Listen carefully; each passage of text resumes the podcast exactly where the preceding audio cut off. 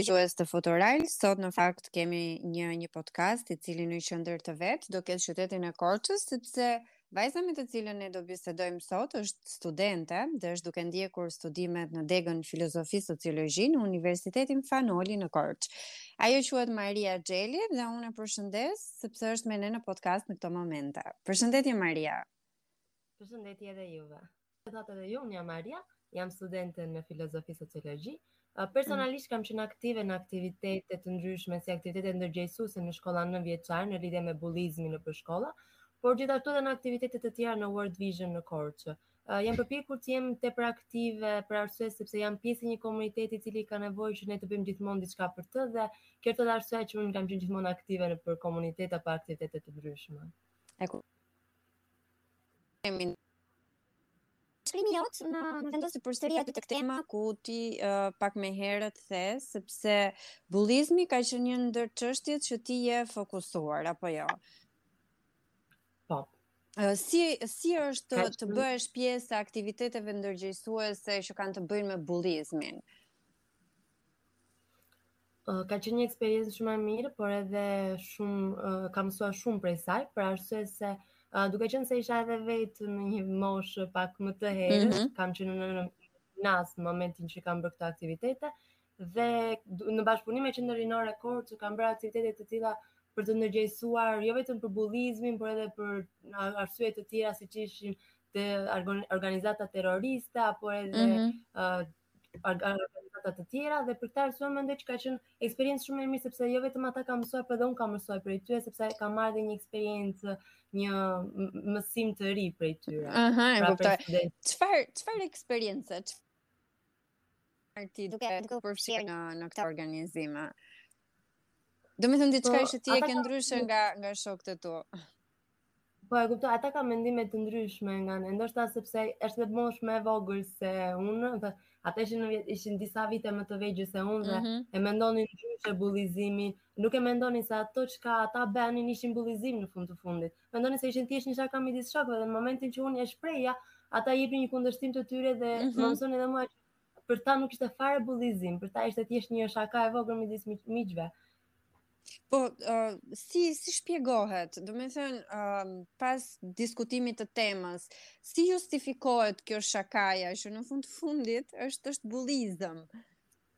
Po, është bullizëm, pak më ka ndodhur edhe në klasën time, kur kam qenë në nëntëvjeçare, mhm. por mm -hmm. domethënë, një shokut tim të klasës seç i ka ndodhur bullizimi në klasë, për ta nuk është fare bulizim, dhe në momentin që e vendosim në dukje, mendoj se është një shaka për arsye sepse, uh, ndoshta nuk e kuptojnë se çfarë është bullizimi në fund të fundit. Nuk e kuptojnë se ta bësh dikë të ndihet keq është bullizim, ta bësh dikë mm -hmm. të vësh diçka në dukje për dikë që është diçka që ai e ka në siklet ose nuk i pëlqen ajo gjë për veten mm -hmm. është bullizim. Dhe ata nuk e kuptojnë këtë gjë. Prandaj mendoj unë se ata mendojnë se nuk është fare bullizim dhe kjo vazhdon akoma dhe më shumë dhe sot, sidomos në nëntëvjeçar apo gjimnaze. Në fakt këtë këtë do të pyesja, në në cilat klasa apo në në cilin arsim është është më i përhapur, është arsimi nëntëvjeçar, është gjimnazi, është universiteti, ë ti tashmë je rritur edhe je në gjendje që të bësh këto diferencat midis moshave. Pra kur ke qenë ti e vogël, si është parë ky fenomen, po tani që ti u konsultove me të rinjtë e e nëntë vjeç Domethënë, vëren ti një ndërgjegjësim, apo mendon që të rinjtë e shikojnë diçka, uh, hajde se është shaka, edhe le ta lëmë tjetrin të vuajë në ato që ne, ne i bëjmë dhe i themi. Mendoj se uh, vetëm në universitete kam janë ndërgjegjësuar pak të rinjtë, mm -hmm. arsye sepse nëntëvjeçare dhe në gjimnaz, Në vitet që kam kaluar unë dhe nëntëvjeçare dhe në gjimnaz ajo vazhdonte dhe mendoj se vazhdon edhe sot. Madje në në në gjimnazin tim, në klasën time, mund të jap një rast pa emër. Patjetër. Ë personi që u bullizua nuk erdhi në shkollë për 2 muaj, ishte gati të t'i digjej edhe viti i tretë i gjimnazit, për mhm. arsye se për bullizimin që ka shkaktuar, kanë shkaktuar miqtë e mi të klasës dhe ishte në një gjendje të tillë sa që familjarët na njoftonin se ai nuk dilte as nga dhoma. Pra, në një po gjendje Po cila ishte arsyeja e bullizimit? Domethënë, çfarë çfarë lloj bullizimi ishte? Për pamjen e jashtme besoj? Jo, do ju duket shaka, por që ishte një bullizim për arsye se ai pëlqente një vajzë që ajo nuk e mhm. pranonte. Edhe bullizoheshe për këtë arsye. Duket sikur nuk ndodh në ditët e sotme diçka e tillë, por ja që ndodhte. E jo, sigurisht, kjo është është një ndjesi normale, sidomos në moshën që ti ti e përmend të pëlqesh një vajzë dhe të mos të marrësh të njëjtën të njëjtin pëlqim pas, por mënyra se si e trajtojnë pastaj është një problem tjetër që Ë na na duhet të themi që nuk është e duhura sepse të bullizosh pavarësisht arsyes apo justifikimit është është shumë e dëmshme për personin ashtu sikundër ti e the. Po në universitet Maria, si është situata? Për çfarë tema diskutohet? Bullizmi, diskriminimi, dhuna, a flitet për çështje që lidhen me seksualitetin e të rinjve? Ëh, në klasat që kam unë mësim ose me sa kam parë unë, uh, kam vendos kam vënë re se uh, më tepër bullizimi ndodh në një stad më të ulët se në gjimnaze dhe në universitet. Po, në universitet ndodh më pak. Nuk e di ndoshta në klasat e mia ka ndodhur më pak. Ke qenë me po, fat. po, kam qenë me fat ndoshta. dhe e vetmja arsye mund të ketë qenë për shembull gabime që mund të kenë kryer studentet ose studentët në orën e mësimit, të cilat janë bullizuar aq tepër sa janë përmendur mm. që ajo ka bërë një gabim në të folur, një lapsus i vogël mund të ketë qenë, por që është përmendur aq tepër sa që bëhet pak edhe e bezdisme, jo vetëm për personin, por edhe për një pjesën tjetër. Mhm, e kuptoj. Po, në klasat e mia të paktën nuk e di, ndoshta dega ime është pak me fat. E po dega jote ka ka lidhje me shkenca sociale dhe shkenca sociale të japin mundësinë që të ta mbushësh mendjen me një mentalitet që është ndryshe nga të qenit strikt edhe i prerë në në mendim, ëh, gjithmonë ka një mendim ndryshe, gjithmonë dikush do mendojë ndryshe nga ti dhe kjo se bën atë më të mirë apo apo më të keq. Çfarë të po, ka ndryshuar ty ky ndërgjegjësimi? Pra, a ke ndryshuar ti në mentalitet kur je marrë me këto aktivitete dhe si shikon ti shokët dhe shoqet e tua? Ndoshta edhe ajo çka unë mendoja se ishte shaka, edhe nuk ishte mm -hmm. shaka në të vërtetë, po ishte tipike e bullizimit, më bëri mua të kuptoja që ndoshta edhe unë nuk duhet të bëja shaka të tilla, edhe në qoftë se i kam bërë ato pa vetëdije ose edhe pa të keq kur i themi ne, pra mm -hmm. pa një arsye që të kem në qendër të vëmendjes bullizimin për atë person, por që kur unë e kuptova që ajo ka qenë në fakt bullizim ose edhe thjesht në qoftë se nuk e quajmë bullizim, thjesht fakti që e kam bërë të ndihet keq, atëherë është më mirë që të mos e kryejmë diçka të tillë. Ose edhe nëse ne kryejmë një shaka me një person, Në qoftë se në qoftë se ne shikojmë që personi nuk e pranon shakanë, ose nuk e mhm. mban shakanë në të njëjtën mënyrë si ne, atëherë më e mira do të ishte që ne të hiqnim dorë, ose mos e përmendnim më atë shaka, sepse personi do vazhdonte të ndiheshe keq edhe atëherë po mund të kalojë në bullizim. E vërtetë.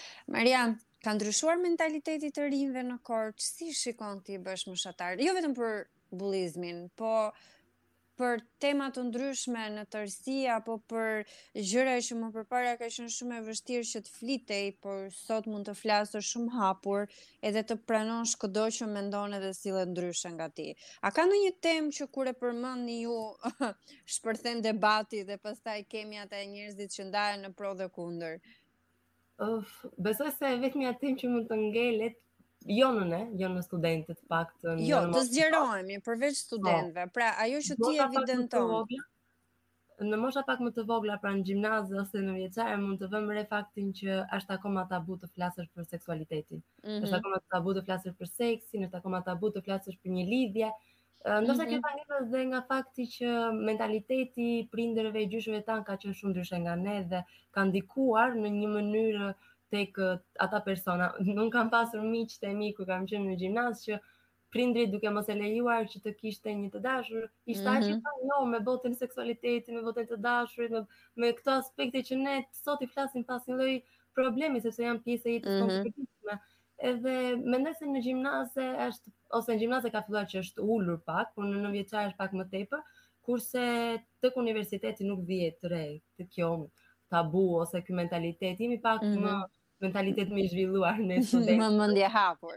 po, shumë më mendje hapur ndoshta, shumë më mendje hapur edhe nga prindërit tanë, sepse vazhdon akoma që mentaliteti i prindërve tanë për disa tema të caktuara vazhdon të jetë shumë ndryshe nga ne. Nuk kemi Në fakt ti ti ti e bëre gati pyetjen e radhës, domethënë, çfarë të ndodh si arrin të bisedosh ti me prindërit e tu për këto tema, të cilat ëm um, ata i konsiderojnë tabu, domethënë, T'i bisedon apo thjesht t'i anashkalon në momentin që të, do të duhej një mendim apo do të duhej që të dilje uh, nga shtëpia pa pa treguar të vërtetën? Po e kuptoj. Jo, në fakt, për fatin tim të mirë kam prindër shumë mendjehapur ose mami në fakt është shumë më mendjehapur. Kjo për arsye sepse ka qenë gjithmonë nuk ka luajtur rolin e prindit vetëm, mm -hmm. por edhe mhm. rolin e shoqes. Fakti që ka luajtur rolin e shoqes më ka bërë mua më të lehtë që të flas me të, e ka bërë më të lehtë fakti që unë të shprehem me të. Dhe këto tema në fakt janë konsultuar me të shumë më përpara edhe pa ndrojtje, pa frikë se ndoshta uh, mami do të thoshte diçka që është e gabuar apo mm -hmm. diçka. Mhm. Mentaliteti i mamit tim për fat në fakt fatin tim të mirë, sigurisht është fakti që ka një mentalitet shumë të mirë sepse ajo i pranon të gjitha këto tema, flet pa problem, nuk e ka fare problem. Kurse disa do i bëhet qejfi mamit kur të dëgjojë podcastin. Pa, e gëtë, ndërsa me babin kam pak këtë pjesën që po, nuk mund të flas. Ndoshta është akoma e pjesa e mentalitetit. E ke provuar të flasësh apo ashtu mendon ti se nuk mund të flasësh? Kam provuar. Edhe kam vënë re që është akoma pak me të vjetrën. Akoma pak që ndoshta mendon ka disa mendime tradicionale, ndoshta të gjyshërve fare tanë edhe mendoj se është pak më e vështirë të flas me babin edhe e kam lënë këtë temë, e kam anashkaluar. Po te shoqëria jote? Kur ti flet për një temë që ndoshta ata nuk janë mësuar që ta dëgjojnë shpesh, si reagojnë? E vetmja temë që grupi im shoqëror nuk është mësuar të dëgjojë janë tema filozofike. A, ah, okay. Vetëm kjo nuk është. Kjo nuk është. Po, vetëm që të flas në shkollë, Pjesa tjetër, me miqtë e mi jam shumë e afërt, sidomos me shoqen e ngushtë, nuk kam të tilla probleme. Vetëm mm -hmm. nëse janë mosha më e vogël, siç e thashë, atëherë po, e shikoj që ka një ndrojtje, një habi nga ana e tyre. Mm -hmm. Një habi e tipit që mund të më thonë, "Ua, mami im s'do të më lejonte kurrë." Ngele, domethënë që ato nuk mm -hmm. kanë një komunikim me mamat e tyre. Dhe më vjen keq. Uh, Maria, çfarë të bëjmë për këtë? Çfarë mesazhi do t'ju themi të rinjve, edhe prindërve, që Unë të siguroj që janë shumë që do kuptojnë, do gjejnë veten tek fjalët që ti the, por dua që edhe prindërit të fillojnë edhe të reflektojnë kur ju dëgjojnë tek flisni për problematikat dhe nevojat që ju keni që edhe ata të kontribuojnë për të ndryshuar për, për pozitivisht. Uh, e vetmja gjë që mund të them është fakti që ne duhet të jemi më mendjehapur edhe që duhet të kemi një shoqëri më së pari një miqësi me prindërit tanë dhe jo thjesht rolin e prind pra baba çupë apo baba mhm. djalë mm -hmm. nuk duhet një rol tabu të tillë, por që duhet të jemi miq dhe në momentin që ne jemi miq, atëherë mund të flasim pa problem, të kuptojmë edhe gabimet, pra ne njerëz jemi, ne mm -hmm. jemi fëmijë jemi studentë, ndoshta pak më të rritur tani, por që mund të kryejmë gabime ashtu siç edhe prindërit tanë mund të kryejnë. Thjesht duhet që ata të na kuptojnë dhe sigurisht të jenë miqtë tanë në fillim dhe pastaj prindërit tanë. Maria, çfarë bën një vajzë studente në Korçë? Për ne që duam të vijmë në Korçë, të shijojmë fundjavën edhe jo vetëm, se tani jemi në prag të vitit të ri, kështu që do na sugjerosh diçka, çfarë bëni ju të rinjtë e Korçës për veten edhe për kohën e lirë? Në fakt tani që po fillon edhe stina e dimrit, edhe po fillon edhe dëbora, do të ishte perfekte për ski në Dardhë. Aha. kam shkuar shpesh me miqtë e mi për ski, ndoshta sepse e um, heqim pjesën e shkollës edhe heqim nga stresi.